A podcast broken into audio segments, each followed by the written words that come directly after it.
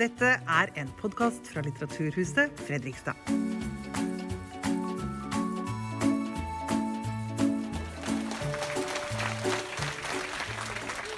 Du hører en podkast fra Litteraturhuset Fredrikstad. I mange hundre år regjerte osmanerne store deler av Europa. Opp gjennom historien har folk i Vest-Europa assosiert det osmanske riket med blodtørste sultaner, konkubiner og harem, barbari, muslimsk fanatisme og lokale herskere som utnyttet sine underståtter. Denne karikaturen av det osmanske har siden levd i beste velgående, helt opp til våre dager. Men var det virkelig slik? 16.3.2022 hadde Litteraturhuset Fredrikstad besøk av journalist og historiker Jan Erik Smilden. Smilden har jobbet med Midtøsten i 45 år som utenriksreporter og kommentator i Dagbladet. Han har også undervist på Universitetet i Oslo. Nå er Smilden aktuell med boken En kort introduksjon i det osmanske riket. Dette er den første fagboken på norsk om dette temaet. I samtale med leder ved Litteraturhuset Fredrikstad, Roy Conradi Andersen, gir han oss en fargerik innføring i en viktig, men ofte glemt, del av Europas historie. Vel bekomme. Skal eh, ta for oss et eh, veldig svært tema i dag. eh, og et tema som, eller et, et, en del av europeisk historie som vi må nesten kunne si havna litt i glemmeboka hos mange. Det er liksom blitt en, blitt en del av europeisk historie som i hvert fall barna våre lærer lite om på skolen i dag. Ja, barna, vi som barn også. Ja. Og, og jeg heter Roy Andersen, jeg er daglig leder her på huset. Og med meg her i dag så har jeg eh, Jan Erik Smilden. Eh, Jan Erik, du er jo gammel journalist. Eh, kollega av meg også. Du jobba i Dagbladet. Hvor, hvor lenge jobba du der? Ja, jeg begynte vel så smått i 1971, og så øh, jobber jeg fremdeles og skriver utenrikskommentarer, så jeg har vært en stund. Ja. Og nå har du blitt 72. 72 år. Ja. Ja. Jeg passer tid for å skrive bok. ja. Og du har jo vært utenriksjournalist. Eh, så du har jo reist mye i disse områdene også. i den delen av Europa. Liksom, Jeg hadde jo Midtøsten som spesialområde, har jo det fremdeles. Ikke sant? Og, og hva var det som fikk deg til å liksom gå løs på dette prosjektet her, egentlig?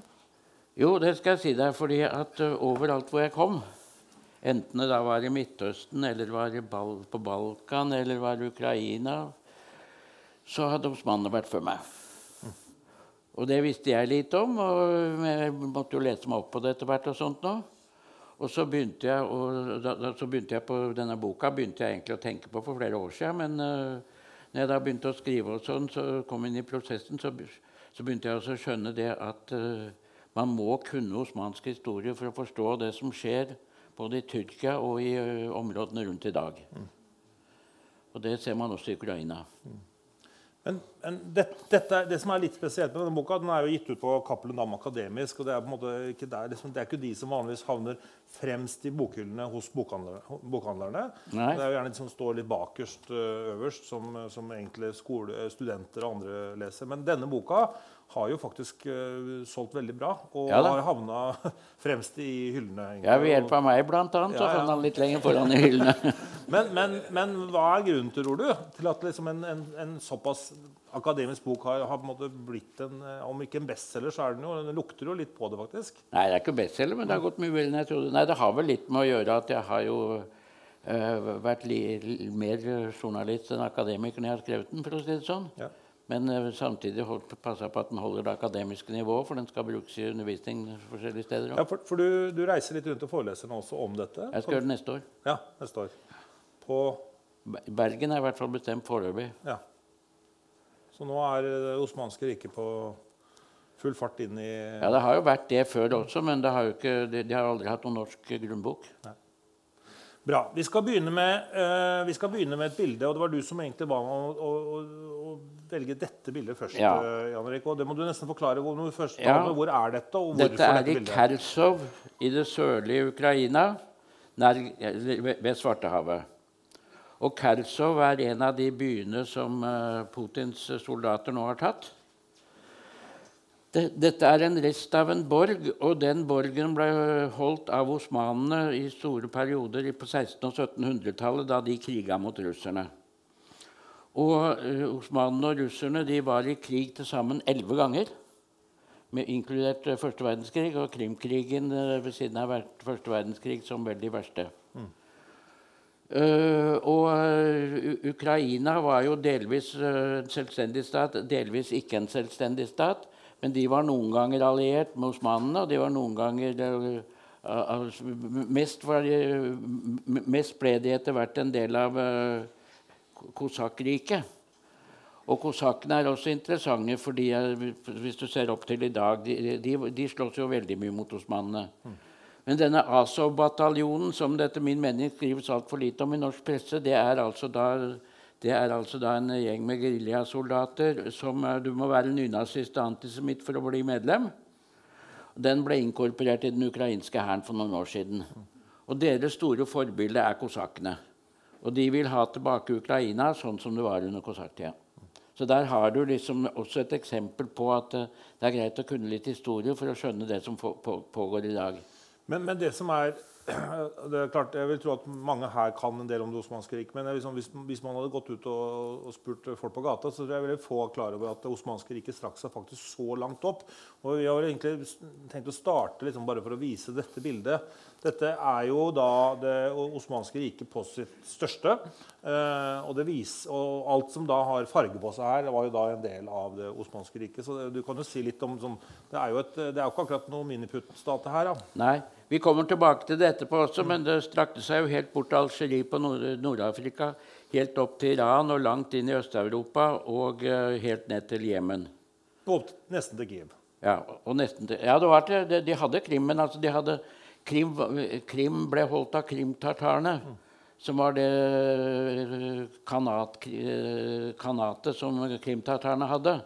Men de var vasaller under osmanene hele tida. Så de slåss ofte og deltok enten alene eller sammen med osmanene mot russerne. Og, og, og, ganske sentralt i historien om osmanerne så og, og, og dette er jo ikke fra starten. Dette er Svartehavet. Dette dette er Svartehavet men Fortell litt om Svartehavets betydning uh, når vi snakker om det osmanske riket. Jan Erik. Altså, det, det, da, da, Svartehavets betydning har alltid vært veldig viktig. Det skjønte også grekerne. Og uh, osmanene Osmanene forsto også det at hvis de skulle kontrollere eh, områder både mot Kaukasus og, og, ikke minst kontrollere Bosporosstredet og, og, ut til Dardanellen og ut til eh, Det var ikke noe kart, men ut til Middelhavet. Så var kontrollen over Svartehavet veldig viktig. Og Mehmed Erobreren, som vi skal komme tilbake til etterpå, han tok deler av Svartehavet, store deler av Svartehavet i løpet av en 20-årsperiode etter at han tatt Konstantinopel. Og så, så, så, Svartehavet var et tyrkisk hav en god stund. Inntil eh, Peter den store først og Katarina den store etterpå begynte å røre på seg. Så, og, og, man ser det jo også i dag. Kontrollen over Svartehavet er en stor del av årsaken til krigen. Ikke minst pga. Krimhalvøya. Mm. Uh, vi tenkte vi skulle uh, faktisk starte mye lenger. eh, dette er jo liksom 1000 år før, faktisk. Eh, omtrent. dette er jo Romerriket, som dere sikkert ser. men dette må vel være jeg, Dette er etter skillet mellom Vest- og Øst-Romerriket. Ja, så da er vi på slutten, av, slutten av 300-tallet, kanskje. Begynnelsen av 400-tallet, noe sånt. men da ser dere jo Romerriket, et voldsomt rike. Men det ble delt i to. Og, og, den uh, lilla delen her blir jo da, som dere vet, uh, til Øst-Romerriket. Altså det som da senere blir kalt Bysant, det bysantiske riket. Uh, og det er jo, og viser jo det kartet, fordi det, det, er jo nært slektskap her, Jan Erik, på alle måter. Ja da. til Romerriket. Hvis du ser på både Bysantriket og uh, Osmanske riket etterpå, så er det jo mye likheter her. Mm. Og her ser vi Uh, her ser vi det bysantinske riket ja, eh, på sitt største. Altså det østromerske riket, da, eller det, det, som da blir til det bysantiske riket. Uh, og dette må vel være fra 600-tallet, tror jeg, så vidt jeg klarer å se. Og da ser man og strekker, jo, strekker seg jo egentlig og Det jo, ligner jo litt på det osmanske riket. Her har man også tatt, tatt deler av Italia. Men dette var altså før, før det osmanske riket, men, men vi skal se likhetene. Så da har vi det bakteppet, i hvert fall. Tenkte det er greit å, å ha. Eh, og så skjer jo det eh, Jan Erik, at det eh, bysantinske riket det bysantinske riket det krymper og krymper og krymper. Eh, og nå er vi på 1200-1300-1400-tallet. Hva, hva er det som skjer da? 1400, ja, dette er før, dette er før erobringen av Konstantinopel. Ja. Og det er jo dette lille lilla der, det er det som er igjen av det bysantinske riket og uh, bysantinske riket. Og det lilla nedenfor der, det er jo to forskjellige det er egentlig to forskjellige riker på det tidspunktet. Ja. Så egentlig så sitter keiseren, i gamle bysantinske keiseren sitter egentlig ikke med annet enn det som er uh, lilla oppå toppen der. Og så ser vi nå at uh, osmanerne har uh, virkelig begynt å røre på seg. Og egentlig har omslutta hele det som, det, den lille flekken som er igjen av det bysantinske riket. Og, og, og, da kan vi jo egentlig gå litt over på det bildet her, for dette er jo starten på det osmanske riket. Ja. Og her må, du, her må du forklare, Ja. fortelle, Jan Erik. Vi tar litt bakteppet først, kanskje. Ja. Uh, på 700-800-900-tallet så var det en stor folkevandring av turkmenske stammer fra Sentral-Asia uh, og vestover mot Persia og Tyrkia. Og det, de ble dels fordrevet av mongolene, og dels pga. mangel på beiteområder og befolkningsvekst. Så flytta de seg da mot det bysantinske riket. De som først gjorde seg bemerka, det var seldsjukkene, som de fleste sikkert har hørt om. De slo bys bysantinerne i et slag ved et by som heter Mansinkert i 1071. Og fikk da stor Da begynte egentlig den store nedgangen til bysantinerne. Eh, og fikk eh, en stund voldsom makt. Men det, av ulike grunner så eh, krympa det riket, og det, ble delt opp. og Det var flere turkmenske fyrstedømmer. Og det lille mørke røde som er der, der hvor det står Søgut Vet ikke om dere kan se det? Der, der bodde det en høvding som het Ertegull.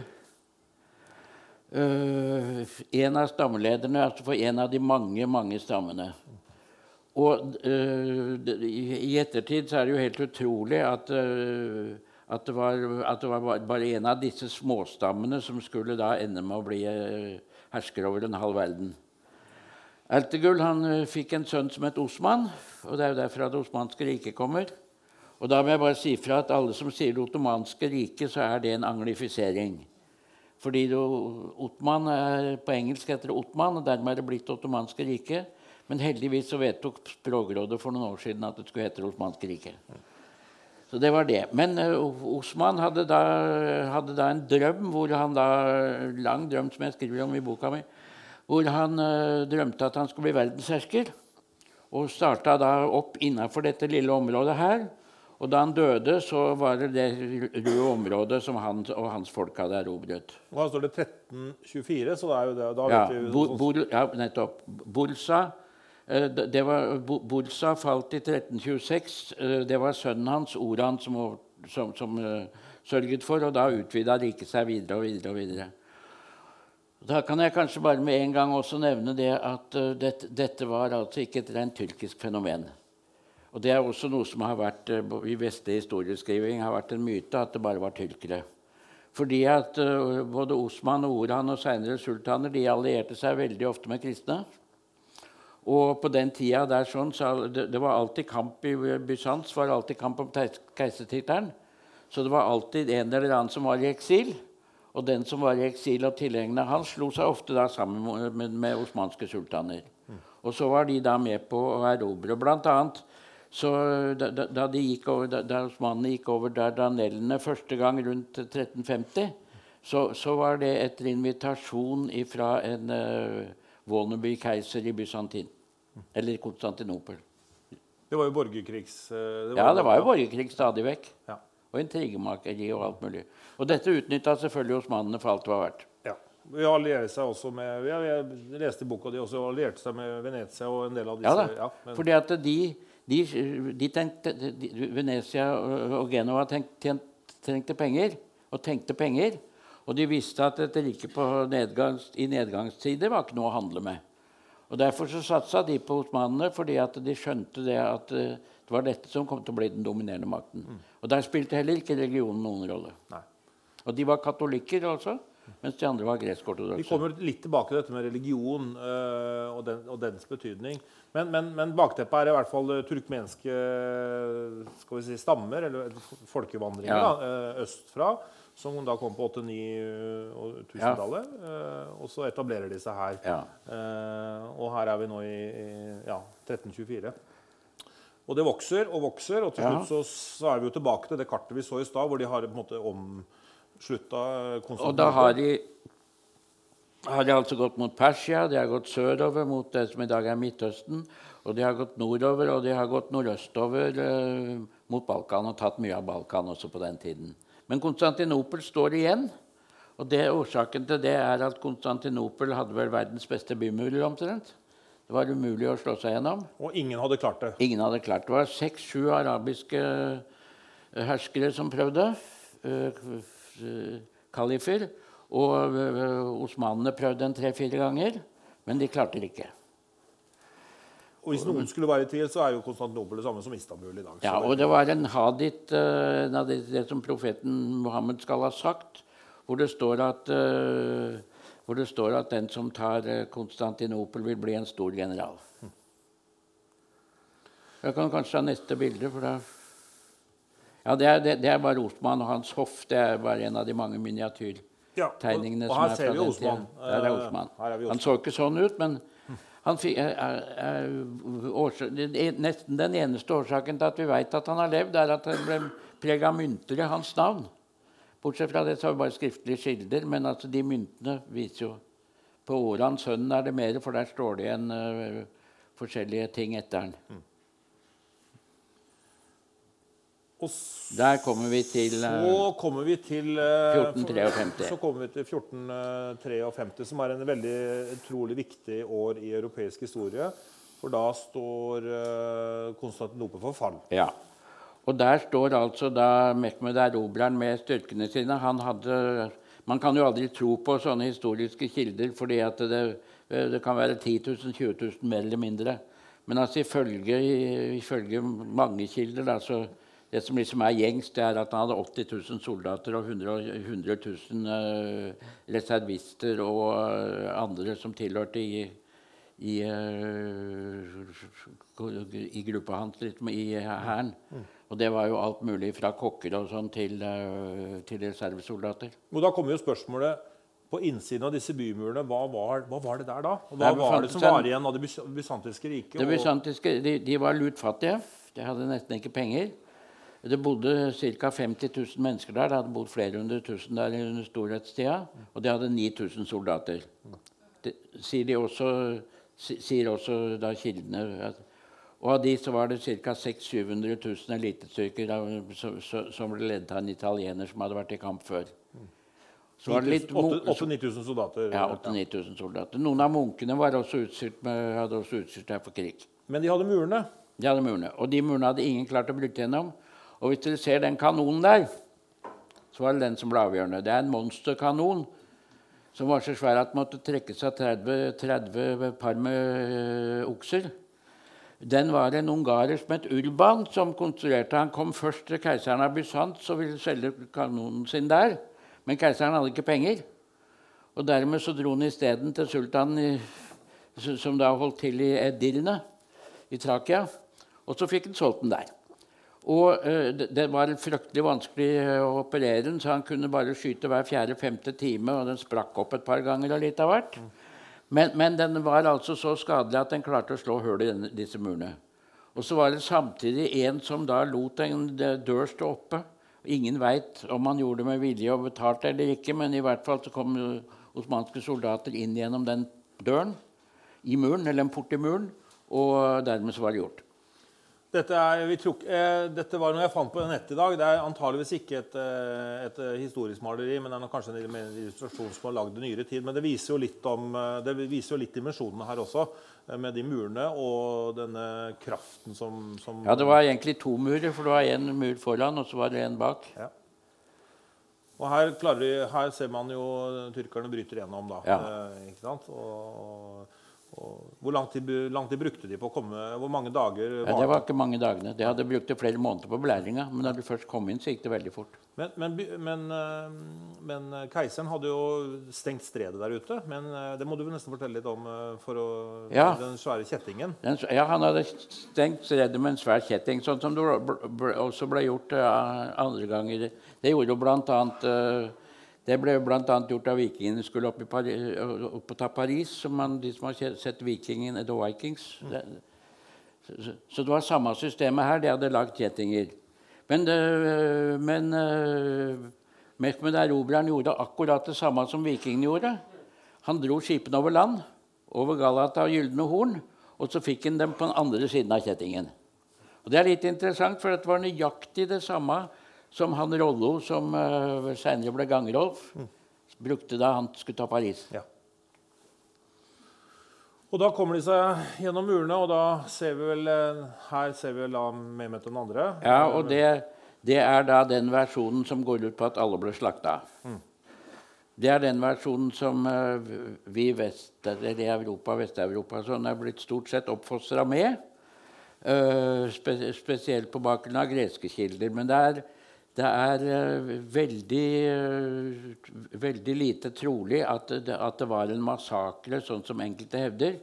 For byen ble veldig fort gjenreist. Og uh, det er klart det ble drept folk, og det er klart at dette var ikke mors, nille, mors beste barn som, som, holdt på her. Men, men, men, men at de drepte og voldtok for fote, og at en av, en av Mehmed Erobrerens generaler skal ha voldtatt en uh, kvinne på alteret i Hagia Sofia-katedralen. Uh, det stiller de fleste seg høyst uh, tvilsomme til. Uh, derimot så tok Mehmed erobreren da han gikk inn i denne Hagia Sofia-katedralen, og det er det veldig mange kilder på, til og med greske, han gikk av hesten før han gikk inn. Og, og, det var da sett på som et tegn på at han så på dette her som et religiøst sted. Han gjorde det om til en moské, men altså, han så det som et religiøst sted. Og Haga Sofia er jo selvfølgelig et sentralt bygg. Det ble bygd på 500-tallet og ja. var liksom verdens største bygg i ganske ja, lang tid. verdens største katedral. Ja. Og det ble og, omgjort til en uh, moské. Uh, ja, den ble omgjort til en moské. Og så da Atatürk kom til makta, så omgjorde han den til et museum. og så tok tsar den 37. sultanen Erdogan Han uh, gjorde den da om igjen til, til moské i fjor sommer. For fjor. Men, men uh, Konstantinopel, selv om det var en by i forfall på alle måter i 1453, så var det jo fortsatt en storslagen by. Ja. Og, og Mye av byggverkene eksisterte jo. Ja. Så, så, det var jo en eh, Det å ta Konstantinopel var jo, som du sa i stad, det var jo et vesentlig mål. Ja. Eh, og, og, det som kanskje er verdt å nevne, er at hva var det Mehmet den andre kalte seg? da han Erobreren. Og han kalte seg vel også da keiseren? Ja, han kalte seg keiseren av Rom. Keiseren av Rom. Og da var det én keiser av Rom eh, i Habsburgske tysk-romerske riket. Og så var det én der, og så ble det seinere en keiser i Russland også for eh, for da Konstantinopel uh, falt, uh, uh, så, så, ble jo St. Petersburg det tredje Roma. Mm. Det var tre konkurrerende ja, var, romerske ja, keisere, da. Ja, nettopp. Ja. Og det var jo hele tiden russernes interesse å ta de, de, de, Konstantinopel sto høyest på ønskelista til, i, i krigene. Det var til og med under første verdenskrig så diskuterte jo da, så diskuterte jo da russerne med sine allierte Eh, vestlige allierte om ikke, om ikke, de kunne da få Konstantinopel som krigsbytte når osmanene var slått. Så det har betydd veldig mye. Og så um, Ja. Um, Men jeg bare nevner med, Man skulle jo tro altså, at da når Mehmed da, uh, når Mehmed da begynte å gjenreise byen og bygde den ut, så skulle man jo tro at det var med muslimer og tyrkere. Men det var veldig mye kristne. Så det ble enda flere kristne i den byen etter 1453. Altså Prosentvis så, så var det jo ikke det, men altså, en, mange flere enn det hadde vært under bysantinerne. Fortell litt om det, eh, Jan Erik. fordi eh, har, vi, er jo kanskje litt også farga av den historiefortellinga som har vært opp gjennom mange hundre år. at eh, ja, den muslimske horde, da, for, å, for å si det sånn, som, som ofte har blitt fremstilt. Men, men, det var vel ikke slik det var? Nei. Hva var osmanernes forhold til andre religioner? Først ta begrepet osmaner. Det er jo også veldig mange som har satt osmaner er lik tyrker. Men det er jo helt feil. Uh, fordi at osmanere, de, de, de, de, som bodde innenfor det osmanske riket, de var osmanere. Det være seg kristne, jøder eller muslimer. Da var det osmaner? Da var det osmanere. Og så var det jo også sånn at, uh, at uh, i islam så er, så, så, så, er ikke, så, er det ikke det å over Det å få folk over til kristendommen, det er ikke det store der. Det er, det, det er, noe man skal gjøre ut fra sitt indre. Man skal ikke bli, skal ikke bli Misjonsvirksomhet er, er, er, det veldig lite av. Og, det, og for osmanene så, så, var det det samme om de var kristne eller, eller om de var muslimer. Det var faktisk litt bedre for dem å være muslimer fordi at Nei, være kristne, mener jeg, fordi at de betalte en egen skatt som menn måtte betale for ikke å være med i krigen. Og det gjorde godt i en statskasse. Så det var veldig, det var mange, det var veldig mange, kristne som da bidro veldig mye til den statskassa. Mm. Og jødene fikk jo også en uh, viktig plass i dette riket etter hvert. Uh, ja, I uh, 1492, da,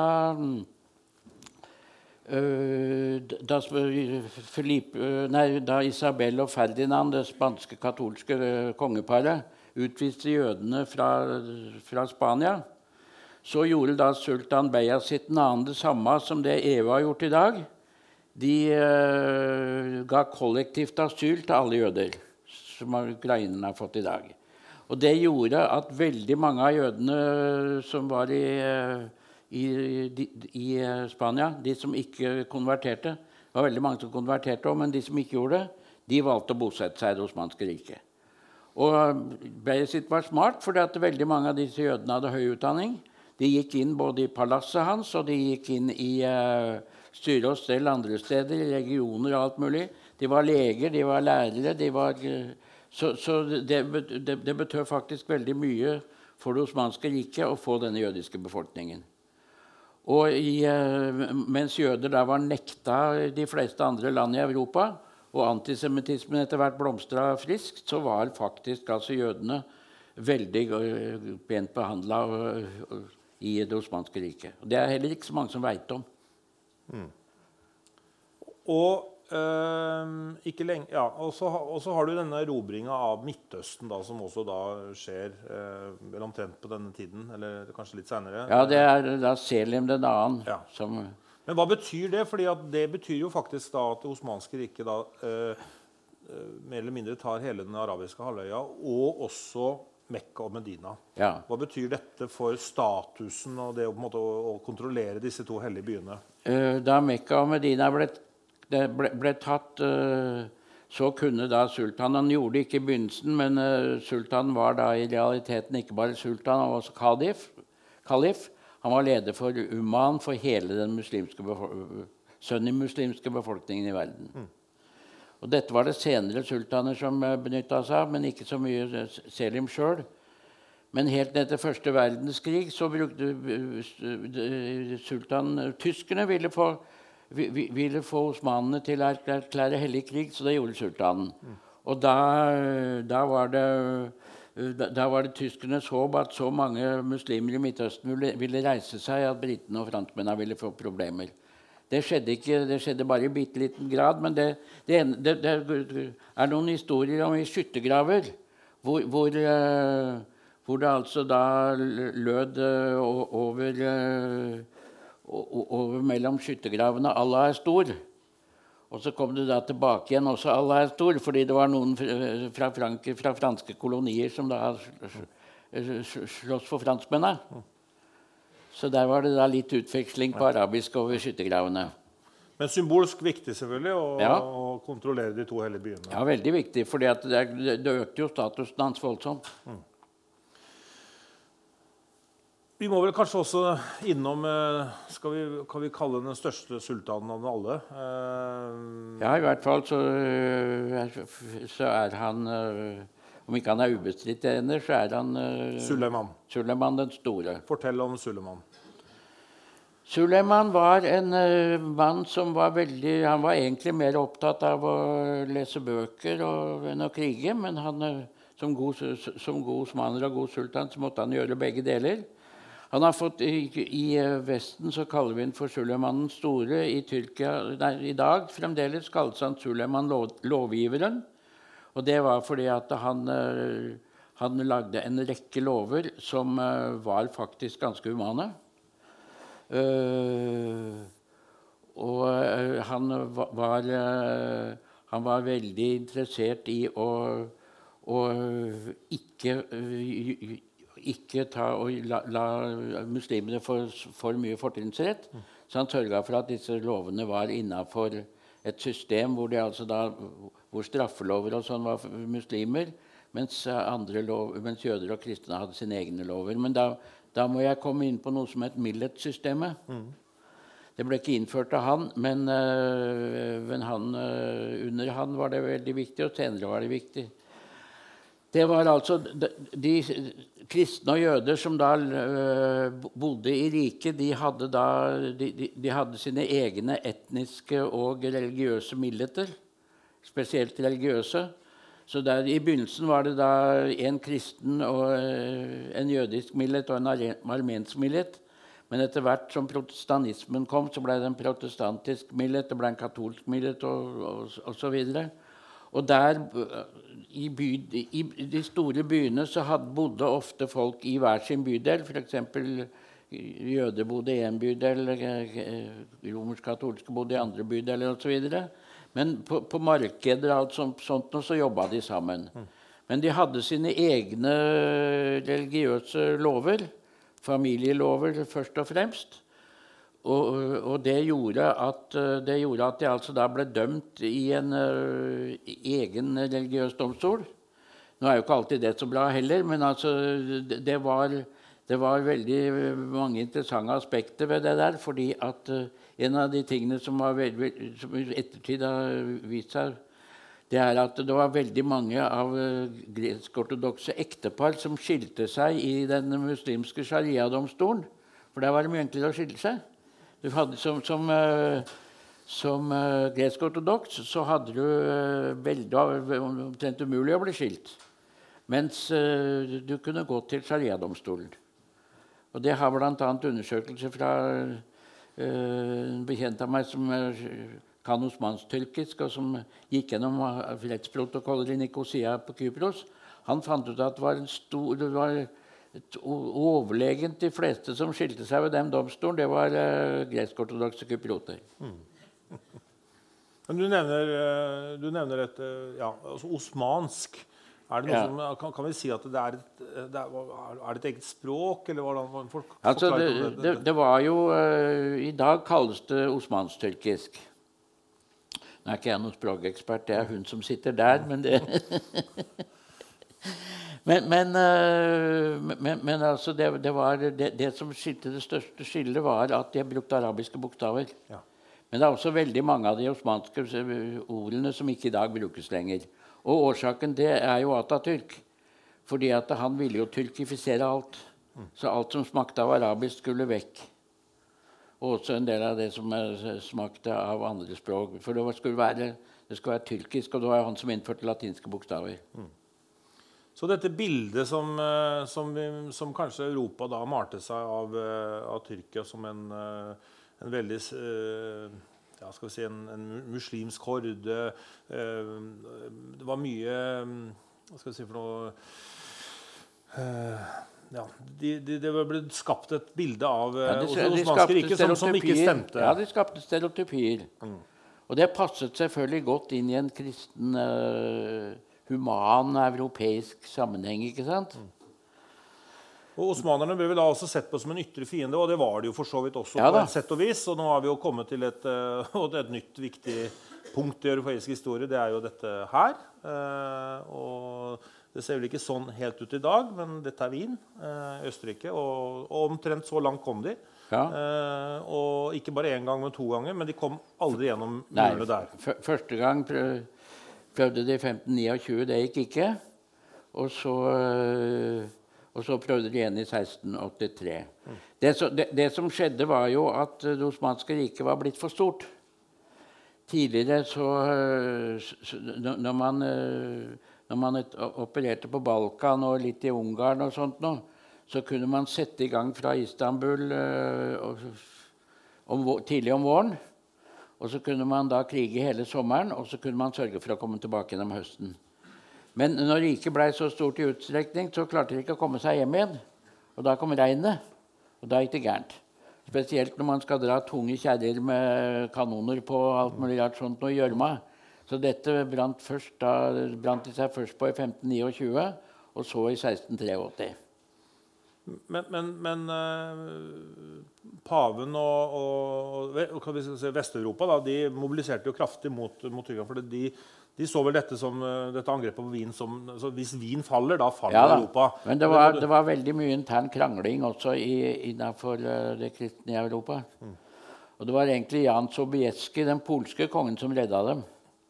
Som redda dem, ja. Som redda dem, ja. Uh, men, men altså, det, der er det også en, er det også uh, en sannhet med visse modifikasjoner. Og det, det, er dette at et, etter Wiens fall så, jo, så ble det jo sagt det at hadde, hadde osmanene tatt uh, Wien, ville vi alle vært muslimer i dag. Ville vi blitt muslimer. Og det er jo fremdeles folk som sier, og fremdeles folk som mener. Eh, det var jo bl.a. en nettside som het Vienna 1683. Den ble faktisk fjerna fordi den var, den var altså så eh, islamofobisk og så jævlig at eh, de måtte til slutt fjerne den. Men, men uh, saken er den at det er ingenting i kildene som tilsier at tyrkerne eller osmanene hadde planlagt å ta noe mer enn vin. De skulle bruke vin som bolverk mot Europa. Og når man så hvilke forsyningsproblemer de hadde, så ville det vært rein galskap å gå lenger enn Wien. Men altså i, i vesteuropeisk, sentraleuropeisk eh, Balkan, historie, den historiefortellinga som er den offisielle veldig mange steder, så heter det seg det. Det er det samme som Carl Martell ved slaget ved Portier i 732. Der lærte jeg på skolen at hvis ikke Carl Martell hadde slått uh, spanske emiren eller den mauriske emiren der, så hadde vi vært muslimer alle sammen. Men, det, men, men maurerne hadde faktisk ikke noen planer om å ta Portier. De var på et røvertokt, og så hadde de slått seg sammen med noen kristne som slåss mot Karl Martell. Og det har senere kilder vist. Men, men eh, mange av dere har jo vært i Wien. Jeg har jo, jeg har bodd der. Og det er en, altså, er en ting som Wien er kjent for, så er det jo alle kafeene. Ja. Uh, og uh, jeg vet ikke om du, du kan bekrefte det, for det, det jeg fikk høre da jeg var, var der nede, at altså, kaffen den kommer fra tyrkerne. Uh, det var tyrkerne som brakte den til Europa. Jeg vet ikke om du Det er en myte. Det er en myte. Ja. Men det ble mer kaffedrikking. Ja. Ja. Fordi at de, de, de, de rømte leiren sin, og det var jo en hel by omtrent, den teltleiren de hadde utafor Wien. eh, Som de hadde brukt under beleiringen. Og der lå det jo igjen masse masse med kaffe, blant annet. Og det lå masse klær og alt mulig rart sånt noe. Så hele den, hele den leiren, førte, annet dette med klærne, førte til at i fransk mote så var det noe som ble kalt à la turk. Og det var altså da klær de hadde funnet der, og som da ble senere produsert i Europa. Ja. Men, men det var altså så mye kaffe Det kan godt hende at den kaffebaren som det snakkes om, ble åpna da. Men altså, kaffen var kjent i Europa før. Det var andre som hadde tatt med seg kaffe til Europa før. Og så var det croissanten også. Den ble også sagt at det var fra Det er også en myte. Men det var fordi den var halvmåneforma. Eh, de tar ikke vin, eh, men de tar jo mye annet. Og her ser vi jo det er egentlig et litt annet bilde enn det vi eh, Det er for så vidt nesten det samme som vi så i stad. Men dette er vel da det osmanske riket på sitt aller, aller største Ja, da skal jeg reise meg litt grann opp og bruke den, jeg. Tror jeg. Ja, her borte er altså da kysten av Nord-Afrika. Det står her som vasallstater. Nei, det har ikke kommet med det her, men det gjør ikke noe. Nei, det stod, det, men, men, de var i realiteten underlagt uh, det, Istanbul. Det jeg viste av de uh, nordafrikanske statene, det ble kalt for barbareskstatene. Og det kommer av barbarer. Det ordet er brukt veldig mange steder rundt omkring. Det, var, det var nordafrikanere, det var veldig mye pirater som herja der. Og det, var nordafrikanere, det var osmanere, og, men det var ikke minst, eh, det minst europeere. Og Det er også en av de tingene som når, når man snakker om pirater i Middelhavet, så, så, så, tenker man på de fleste gangene på disse barbareskstatene og de piratene som kom derfra. Men det var eh, alle drev piratvirksomhet. Genoveserne, genoveserne, venetianerne drev med det. og... Og eh, spanjolene drev med piratvirksomhet i stor stil. Uh, Barbarossa for eksempel, er jo en av disse kjente piratene. Han, han endte til slutt da som admiral hos osmanene og slåss mot Andrea Doria, som er en av de store italienske sjøkapteinene på den tida. Men altså, de, de, hadde altså da hele, de hadde kontroll over hele Nord-Afrika til Marokko. Så hadde de kontroll helt ned til Jemen. Så hadde de deler av uh, Iran. Og de hadde selvfølgelig Tyrkia, og de hadde en del av Kaukasus. De hadde Balkan, og de hadde Hellas, og de hadde Romania og Moldavia. Og eh, Transylvania var eh, vasallstater. Dette var det jeg skulle vise dere på kartet nå. Mm. Så, det, så, så, området var jo utrolig svært. Uh, og uh, som sagt så var det også da veldig vanskelig å holde kontroll. Det ble også vanskelig å holde kontroll etter hvert med alle de lokale guvernørene. og sånt, for Avstanden var så lang til Istanbul at ofte så kunne de kjøre sitt eget løp. Men fortell eh, dette indre livet i, eh, i, det, i det, osmanske riket. Eh, også myteomspunnet, selvfølgelig. Eh, men, men, la oss ta i hvert fall ett begrep som janitsjarene. Ja. Eh, hvem, hvem, var det? Janitsjarene det var osmanenes elitekorps. De besto av slaver som da ble tatt i Øst-Europa, Balkan. Uh, hver familie måtte uh, avgi en sønn til uh, Janitsjarkorpset. Da kom de hvert tredje, hvert fjerde, hvert femte år, opptil sju hvert sjuende år, og samla inn folk. De som hadde én sønn, de slapp. Og dette høres jo fælt ut. Veldig fælt, og det var det. det var med, med, og det er jo veldig mange forferdelige historier om dette her. Men øh, så, er, så, så, er, det det som er det samme som øh, med en del av, dette, del av disse andre øh, stereotypiene. Det er at det var slett ikke alle som var lei seg for å få en sønn i Janitsjarkorpset. Fordi at det var veldig mye fattigfolk det dreide seg om. Og hvis du først kom inn i Janitsjarkorpset eller ble ansatt som pasje eller soldat i sultanens palass, så var du sikra framtida di. Da, og, og for, for, mange foreldre så var det mye viktigere å, få, å, å vite at nå var det i hvert fall én sønn som fikk et uh, skikkelig liv. Og denne, de, de, konverterte jo til, måtte konvertere til islam, men det går mange historier om at de ikke akkurat var så veldig religiøse, en del av disse janitsjarene. Og de, var, de, de, de, nådde jo helt opp til å bli storvisirer og visirer, altså statsminister og lokale guvernører. Så nesten hele, hele, nesten hele statsmakten under uh, sultanen besto av uh, kristne som opprinnelig hadde vært slaver. Og så har du dette haremet, som, ja. uh, som, i hvert fall er veldig myteomspunnet. Ja, det er veldig myteomspunnet. Ja. ja. Årsaken til det er vel først og fremst at det var ikke noen menn som slapp inn i harem i det hele tatt. Og veldig få vestlige kvinner også. Der I sultanens harem var det ingen som slapp inn, men i de andre harem var det noen få som slapp inn, og som skrev om det etterpå. Hva, hva, hva, hva, var egentlig et harem? Haremet var et sted hvor sultanen hadde sine konkubiner. Og konkubinenes jobb var å skaffe uh, arvinger. Enten de da uh, Enten de da tilhørte den eller den elskerinna, det spilte ingen rolle. Eller konkubinen så var det så, så, var det spørsmål om å Det var, arve, det var arvefølgen dette gjaldt først og fremst. Men, men, men det er klart at altså, dette var jo Dette var jo sett med dagens øyne helt på trynet, for å si det sånn. Men, og, eh, men, altså det, det, den, den, oppfatningen at det, ha, haremet var et sted hvor sultanen da meska seg med nakne kvinner, det, det holder ikke. Det har, det har, flere forskere skrevet veldig mye om. skriver jeg også mye om i boka mi. For, fordi at uh, egentlig så var harem et sted hvor sultanen i perioder styrte fra. Og det var veldig mektige sultankvinner. Roxelana, som vi har bilde av når det en gang kommer på her. Ja.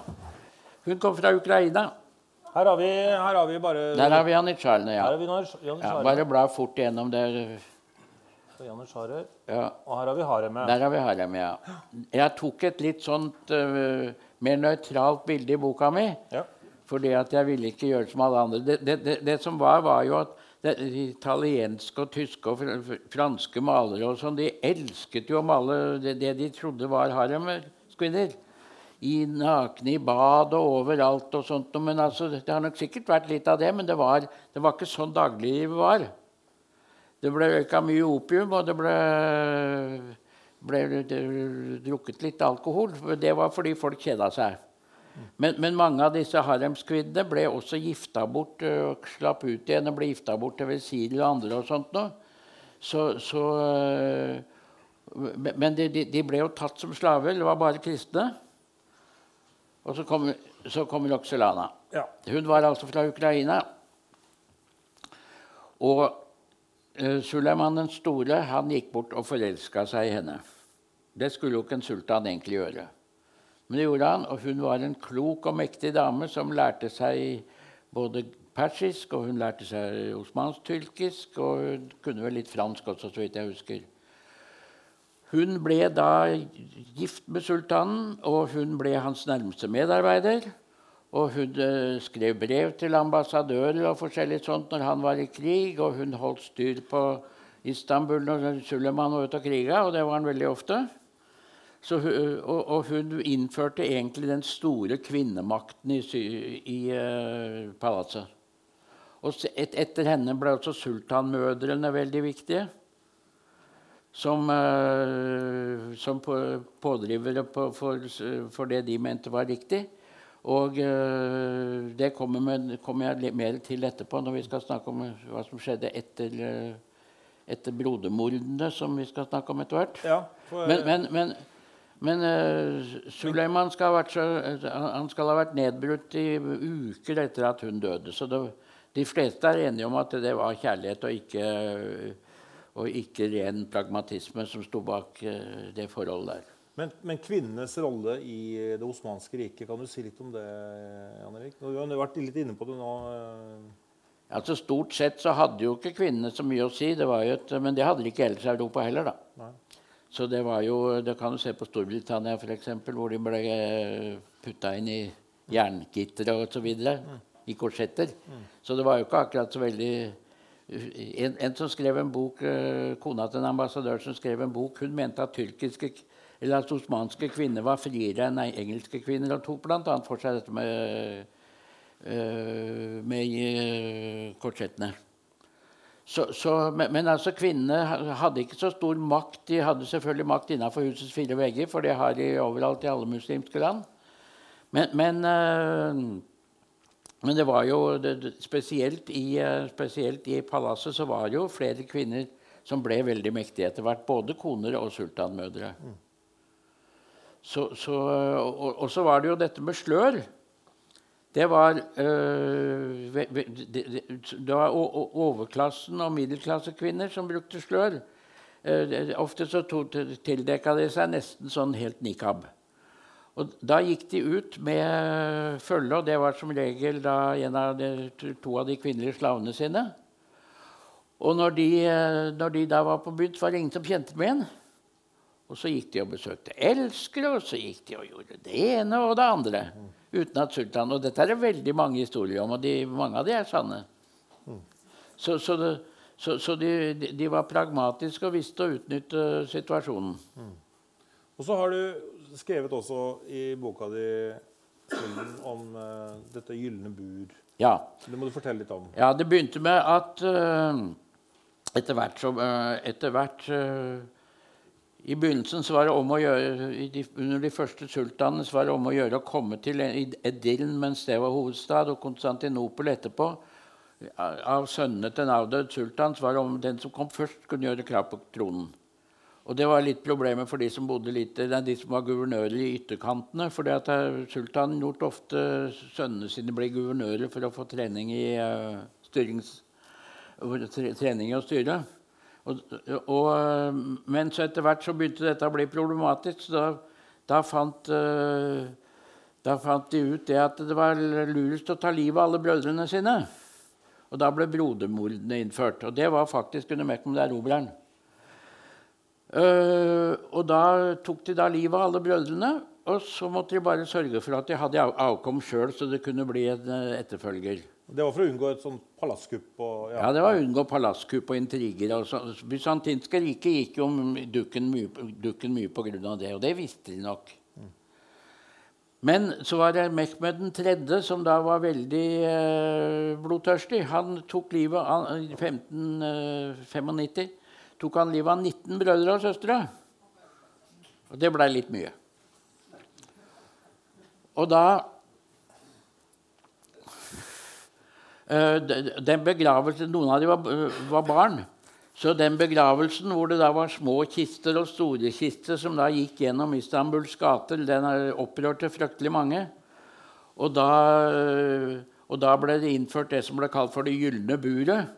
Og da innreda de et eget svært boligkompleks ved siden av haremmet, hvor eh, disse sultanbrødrene da ble satt for å sitte til de eventuelt skulle blitt sultaner. De levde i luksuriøse omgivelser, og så hadde de da konkubiner så mange de ville til disposisjon, men de ble steriliserte, for man skulle ikke ha noe, et, noe avkom. De var... Eh, noen av de brukte tida til kalligrafi og til å lese. Det var, jo, det, det, det var jo, veldig mange av disse sultanene som var uh, intellektuelle.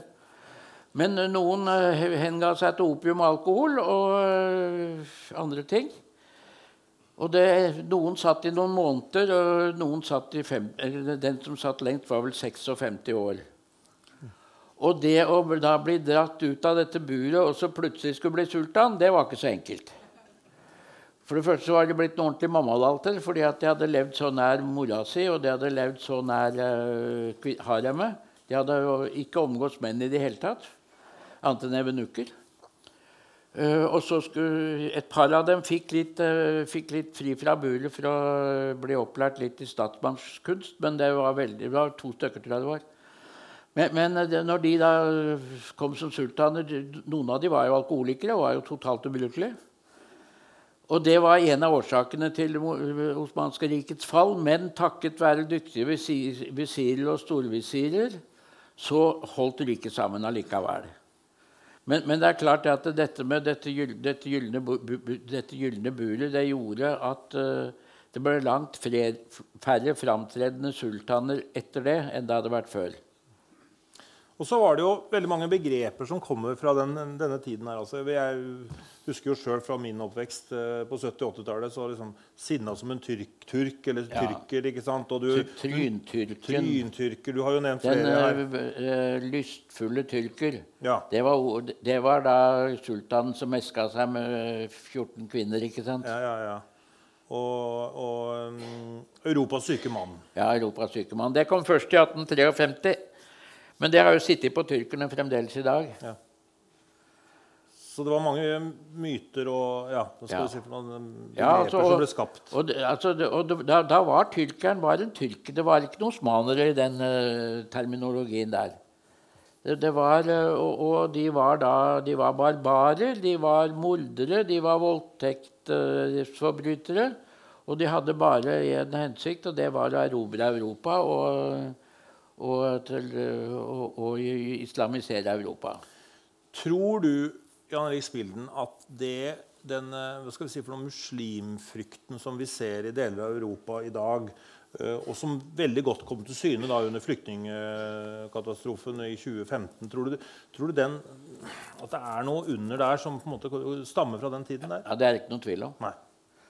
Vi har det ikke så mye her oppe, men i, i det som var randstatene og i Øst-Europa veldig mye og sånn, så er det det.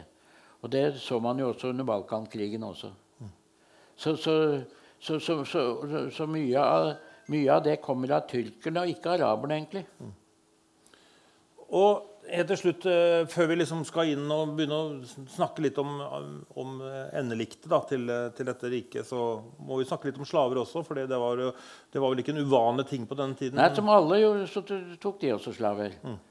Og, eh, men de tok kristne slaver fordi at en muslim skulle ikke tas som slave. Dette er fra et slavemarked hvor de selger barn. Uh, disse slavene uh, overklassen hadde råd til å ha slaver. Så de ble, de ble da kjøpt og plassert i forskjellige hus. Men altså når man på, hører ordet slave, så tenker man jo ofte på det, det som var i USA med de som uh, kutta sukkerrør og jobba på, på markene i uh, sørstatene. Men det å være slave i Det osmanske riket og, en god del andre steder også rundt i verden, det var ikke så ille. Mange slaver som jobba i hushold, og ble faktisk en del av familien. Og mange ble frigitt etter hvert. Uh, skal ikke jeg si her at det var noe dans på roser å være slave, men altså, mange av disse kom fra veldig fattige områder og hadde jo materielt sett bedre enn de hadde det før. Mm. Så, men, men, slaveriet holdt jo på det helt til uh, Tyrkia var vel med i den der Brussel-konvensjonen eller hva det heter, eller, uh, fra 1860-tallet, et eller annet sånt, og opphevde slaveriet.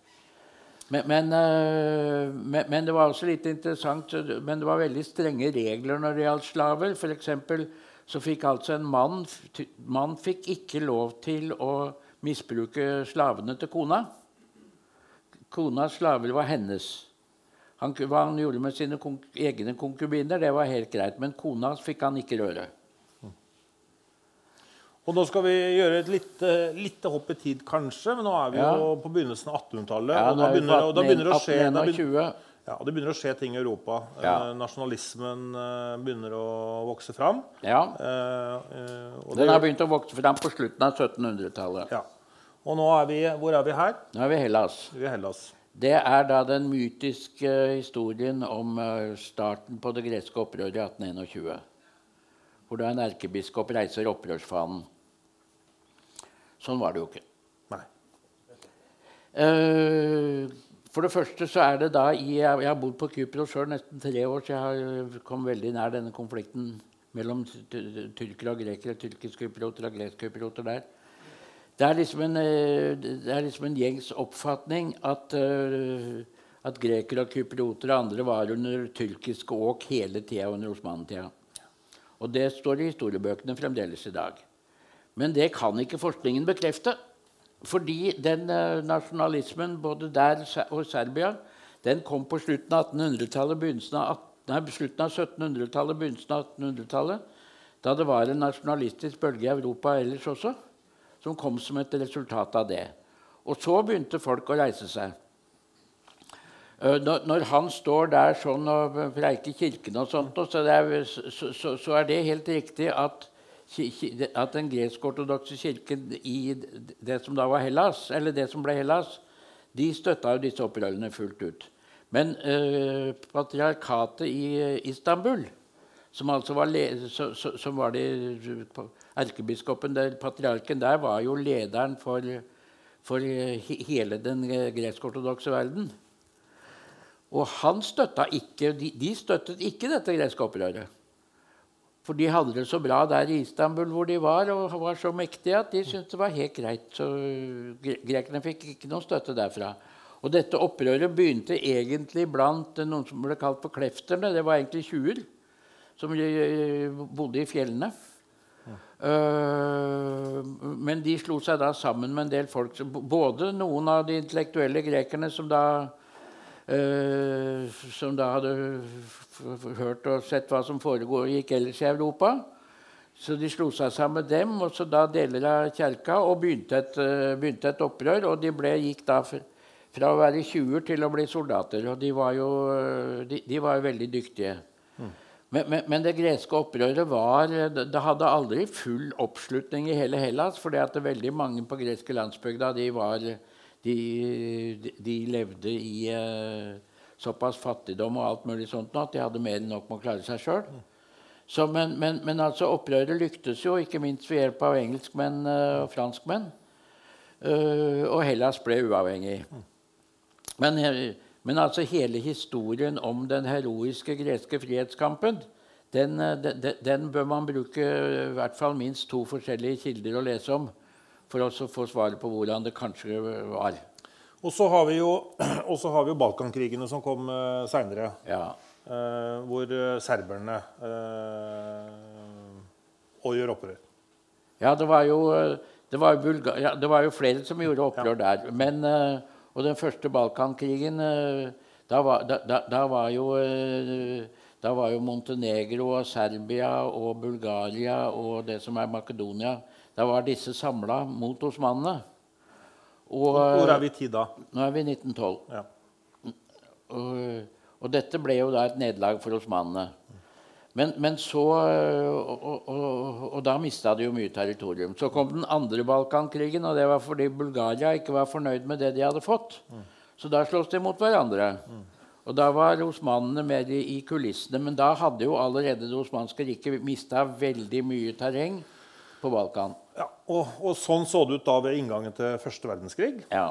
Eh, så at vi har et lite bilde av, av hvordan eh, det osmanske da har de helt, fremdeles kontrollen helt ned til sørlige delen av Jemen. Ja. Ned til helt riktig. Adenbukta ja. og til utløpet av Rødehavet. Og det er jo grunnen til at vi nevner det også. For dette har jo da selvfølgelig også med hvordan Midtøsten ser ut i dag. fordi eh, fordi ja, vi har jo det, altså, Så starter første verdenskrig. Ja, og da uh, havner da osmanene på tysk, tyskernes side.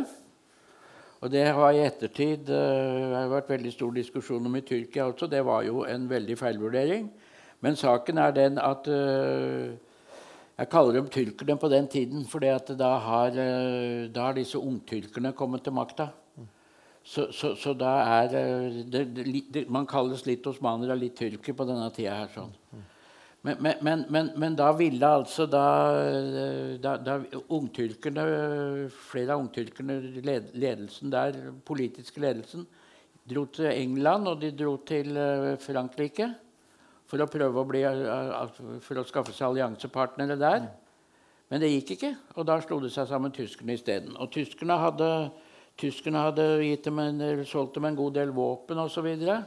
så de hadde et ganske nært forhold. og Keiser Wilhelm hadde vært i Istanbul, og han hadde vært i Damaskus, og han hadde prata veldig bra om muslimene. Så, så, så, tyskerne hadde et ganske godt ord på seg. Og de hadde, det var mange tyske offiserer som trente osmanske styrker. Men det var det også, det var også britiske og franske som gjorde det på den tida. Men dette er jo fra Det er Gallipoli 1915. Ja, og det var jo et eh, det, det, var, det var et slag hvor britene da skulle inn, og franskmennene Britene gikk inn på, på, på den ene sida av Dardanellene, på venstresida, og franskmennene gikk inn på høyresida. Og britene var da leda av dette, er Galli, dette er Gallipoli, som er da på venstresida når du kommer utenfra. Ja. Britene var leda da av Churchill. Hva? Ja, ja, ja, Churchill var Ja, han var ikke der. Nei. Men, eh, men, men, dette, men, dette, var jo et fryktelig slag. Hva? Det var et fryktelig slag. Eh. Det var mange slag. Det var nesten et år der. Men dette ble en katastrofe for, eh, for de allierte. For, for det, det, var jo veldig mye australiere og newzealendere også, men de hadde ikke sjekka terrenget godt nok. Dette har jo vært vist på filmer også. og de, de, de, gikk i land på strendene. Og så var det da svær høyde mange steder hvor det lå tyrkere overfor. Så de ble jo bare plaffa ned. Jeg husker ikke akkurat hvor mange som døde, men det var jo titusener som døde der. Og mange tyrkere òg, da. Men dette ble et helt avgjørende slag fordi at uh, de, måtte, I begynnelsen av 1916 så måtte, da, så måtte de da trekke seg ut med store tap. Og den som da, den som da leda kampen i store deler, det var en oberst ved navn Atatürk. Han var vel major i begynnelsen. Eh, han het Mustafa Kemal og ble senere Atatürk. Det var, det var Gallipoli som gjorde han herostraisk berømt. Og som gjorde at da han starta opprøret sitt i, uh, i 1919 mot sultanmakta i Istanbul, da var det Gallipoli og de merittene hans der som gjorde at folk uh, styrte til for å slåss sammen med han. Vi må gå litt sånn, uh, speede opp litt her, Jan Erik. Men dette er det armenske folkemordet. Ja, den, ja. Og det bare må du nesten ofre et par minutter, for det er jo noe som klebrer ved Tyrkia ja, det også i dag. Det er jo fremdeles en veldig stor sak, fordi at tyrkerne nekter å bruke ordet folkemord. Så sier det til en tyrker, i hvert fall en tyrkisk ambassadør f.eks., så går den i da går den bananas. Mm. Uh, men, uh, men, altså det som uh, det, det, det, folkemordet som begynte i 15, 1915, det tok livet av mellom 300 000 og 1,5 millioner mennesker. Man vet ikke. Tyrkerne sier 300 000, noen armenere sier opp til halvannen million. Sannsynligvis er det med det som alt annet, at det ligger sånn et eller annet sted midt imellom. Men det var jo selvfølgelig fæle greier. Men Hva, hva var bakgrunnen for det? Ja, altså Det er nettopp det. Du, altså, for, fordi at uh, den armenske historiefortellinga, det armenske narrativet, det holder til en viss grad, men ikke helt. Det begynte på 1860-70-tallet, i en av krigene mellom uh, russerne og osmanene.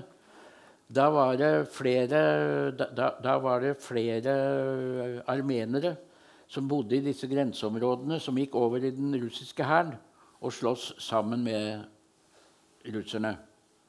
For, fordi at de var undertrykt. Uh, det kan man selvfølgelig forstå. Men, men reaksjonen, fra, reaksjonen, fra, Istanbul da ble jo selvfølgelig at de ble sett på som forrædere. Så det var først en massakre som ikke var på langt nær så stor, på, på 1890-tallet. Men så kom da første verdenskrig. Og så var det da to store nasjonalistiske armenske organisasjoner som da verva folk. Og mange disse, I mange av disse armenske byene så gjorde armenerne opprør. Og de slåss også da på russiske tsarens side. Hvor mange det er, det strides ekspertene om. Men det, altså da, det, gjorde da at de ble sett på som forrædere og quislinger. eksisterte ikke på den tida, forresten. Men altså som forrædere og femtekolonister eh, av, de osmanske myndighetene. Men det skulle jo selvfølgelig ikke medføre at eh, utgangen ble som den ble.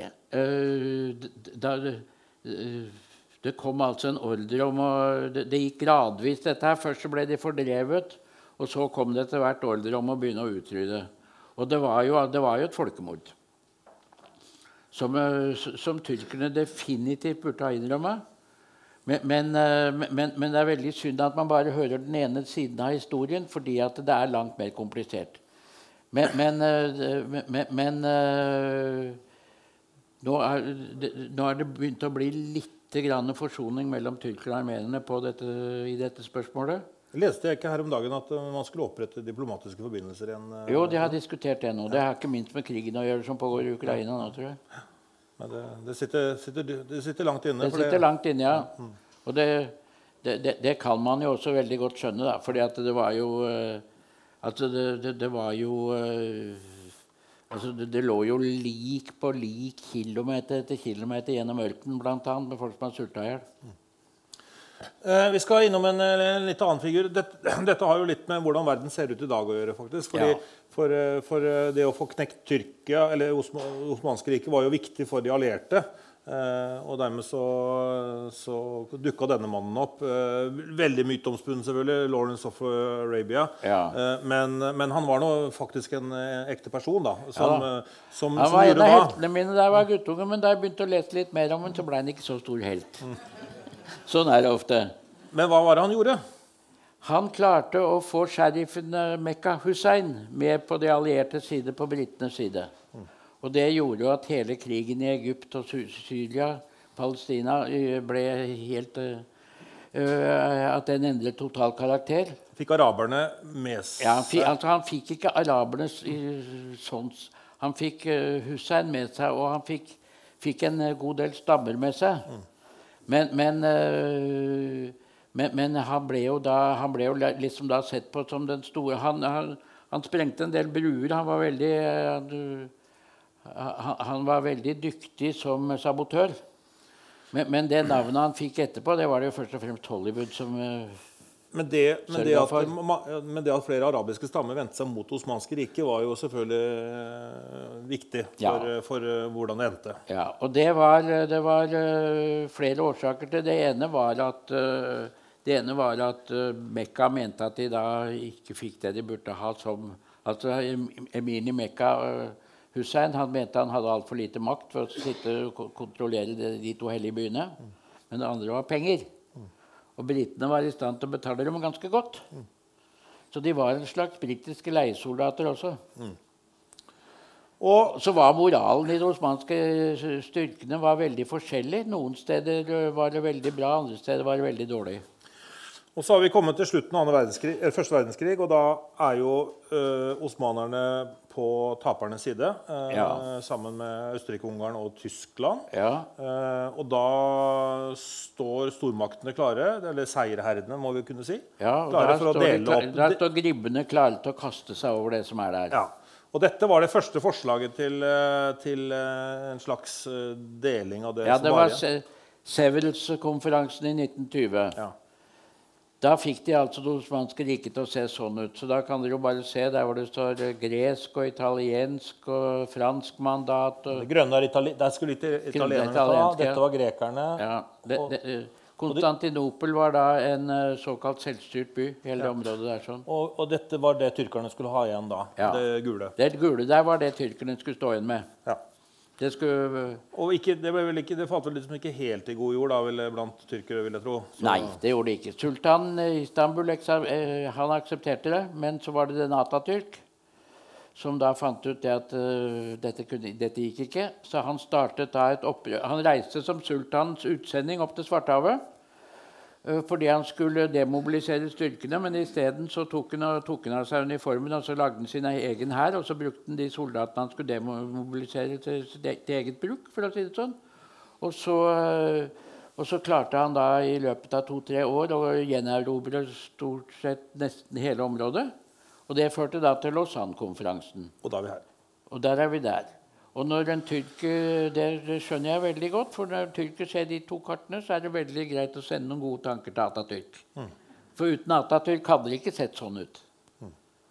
Og det er jo dagens Tyrkia, det. Det er dagens Tyrkia. Ja. Men det som også det, Og nå er vi jo for så vidt ved veis ende, men, men vi, skal, vi skal dvele med en par små ting også. Det er klart, Resultatet av dette her ble vel også da at For det bodde veldig mange grekere, eh, eller greske etterkommere, kan vi kalle dem også, da, i det som da er Ja, Tyrkia. ja. Eh, og det bodde da også veldig mange osmanere, eller tyrkere, da, på gresk side. Ja. Og hva, hva skjedde med disse folk? Det, jo, det var jo Folkeforbundet som da vedtok at eh, man skulle flytte for, til, til, uh, muslimer over til uh, Tyrkia, og så skulle man flytte da kristne over til Hellas. Og det var det jo vår egen Filtrof Nansen som sto for. Det har jo han fått mye kledd for. Men eh, det var jo ikke helt vellykka, det heller. For det var ikke alle som ville flytte. Og fremdeles i dag for, på Kreta, for, dere som har vært på Kreta, det er sikkert mange som har vært, fremdeles er det jo veldig mange som er stolte av, av, av den osmanske fortida på Kreta. Og, frem, øh, og, i, øh, og i Trakia, så, på grensa mot Bulgaria, øh, i Hellas, så er det også Der, der er det jo et levende tyrkisk miljø fremdeles den dag i dag. Så, Men det var jo hundretusenvis av mennesker som ja, ja, måtte ja, ja, ble tvangsflytta. på begge sider. Ja. Men, men altså, man trodde i sin enfoldighet at hvis man flytta på folk sånn, så ville det gå bra. Men, det var, men, men, men altså, nå var jo Nå skal jo det sies da, at Atatürk var jo interessert i å tyrkifisere Tyr Tyrkia, som var ikke noe særlig imot det Nei. på den måten. Og ikke grekerne heller. Men, men altså, for vanlige folk så, så, så, så ble det for mange en tragedie. Og for mange som har vært på ferie her nede, så vet vi jo hvor, hvor tett på grensene går i dag. Eh, Så Ja da. Man har jo da disse greske øyene som ligger helt kloss innpå Ja. Tyrkia. Man Ja. står jo og ser over til disse greske øyene. Så, eh, så helt problemfritt er det fortsatt ikke, da. Nei da, det, det, har jo, det har jo vært på kanten flere ganger. Men det, det, går, går nå stort sett bra. Men oljen i, oljen i Middelhavet kommer til å skape problemer hvis ikke man slutter å bore før den tid. Og her ser vi eh, sistemann. Ja. Eh, dette er i 1922. Det er i 1922. 1922, ja. Mehmet den sjette. ja. Som da må forlate Istanbul. Går om bord i en båt, britisk krigsskip, og blir sendt til Malta i eksil. Og da dukker, da, dukker denne mannen Ja, da kommer Atatürk. Så, men egentlig så eksisterer det osmanske riket fram til, 2000, nei, til 1923. Eh, og Tyrkia ble ikke etablert som stat før i 24.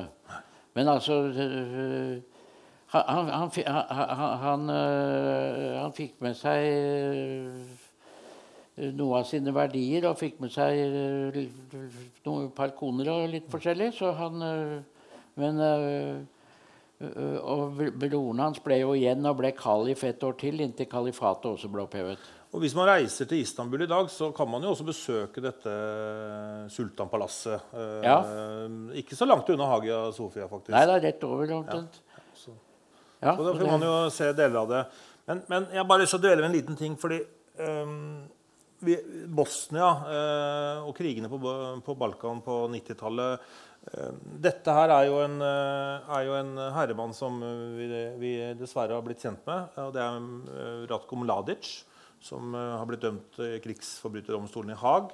Og dette klippet, Jeg bare tok det med, fordi det var rett og slett bare saksa fra YouTube. Men dette er, klippet viser jo Mladic når, når serberne, de bosnisk-serbiske styrkene, går inn i Srebrenica i juli 1995. Og hva er det Mladic sier til eh, serbisk TV da? ikke sant? Ja. Han sier «Finally after the rebellion against the Dahis», og det kan du forklare hva er, «The time has come to take revenge on the Turk in this region». Ja, Dahis er jo tyrk. Så, så, så Dette er i 95, men liksom, det, det han snakker om, er jo ting som har skjedd på 1800-tallet. ikke sant? Ja. Eh, så det, Men han gikk enda lenger tilbake. Han gikk jo helt tilbake til slaget ved Kosovosletta. ja. så, så liksom det hatet mot tyrkerne og, og osmanerne er jo også Ja, det lever- det, det, det, lever og driver jo også mange motsetninger. Det lever jo fremdeles i dag i Bosnia, f.eks. i den uh, serbska republikken Serbska i Bosnia, så lever jo dette her. Men det som er interessant, er jo for eksempel, i Kosovo Jeg var i Kosovo i uh, 2002-2003. Så var jeg i Pritsen, som er den mest bevarte osmanske byen. Det ser ser ut som du kommer inn i en osmansk by. Det er bare sånne det er osmansbygde hus med sånne verandaer utafor. Helt fantastisk. Og der under hele den kalde krigen også, da det var en del av Jugoslavia, så gikk det ukentlig bussrute fra Pritsen til Istanbul. Og det var mange i Pritsen som studerte i Istanbul. Og dette tross, eh, på tross av at det var eh, at det var et slags jernteppe, så gikk denne bussen hele tida. Og jeg snakket med folk der, og de sa det at vi følger oss fremdeles, vi som tyrkere. sa mange.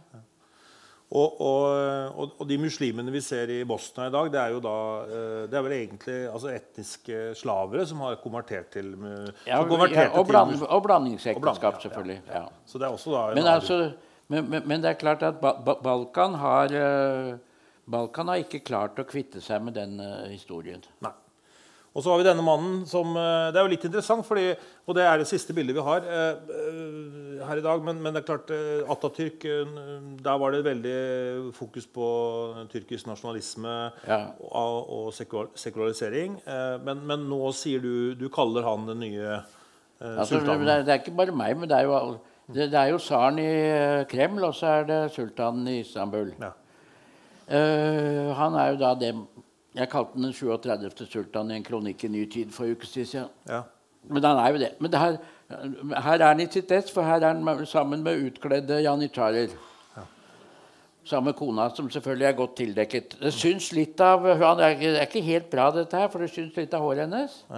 Så ser dere? Så, altså for, for, for han er det veldig viktig å skjule alt. Jo, men for Atatürk var det jo eh, viktig Ja, å på en måte glemme den, det, glemme han, den han kvitta seg med fjesen fesen og innførte vanlig vestlig hatt og vekk med sløret og alt sånt. Men han klarte aldri å kvitte seg med sløret på landsbygda. Nei.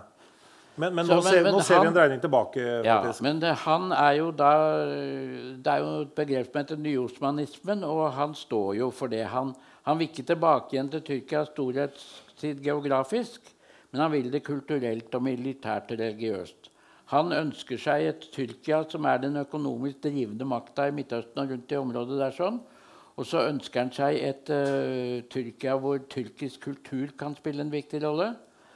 Og så ønsker han seg et uh, Tyrkia hvor, hvor Tyrkia militært kan spille en viktig rolle. Og ikke minst så ønsker han da sjøl også at, at, han skal være en slags leder for, for sunnimuslimer. Men han er i motsetning til Osman, Det er mye likheter mellom han og osmanske sultaner, men i motsetning til sultanene var veldig opptatt av det multinasjonale riket. Mens han er jo en ihuga nasjonalist og tyrkisk nasjonalist. Tusen hjertelig takk for at du kom hit til Fredrikstad for å sette oss inn i denne spennende delen av, av Europas historie. Det er veldig ålreit at uh, jeg føler meg at man driver litt folkeopplysning med dette her også. fordi at Pga. at vi har vært så dårlige med det i norsk uh, undervisning gjennom åra. Ja. Og takk for at du kom, og takk for at dere kom.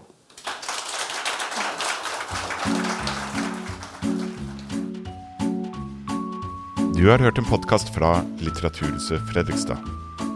Vi er støttet av Kulturrådet, Fritt Ord, Fredrikstad kommune, Fredriksborg eiendom Viken fylkeskommune, Sparebank1 Østfold Akershus, Verksted AS, Fredrikstad Energi og Handelsbanken.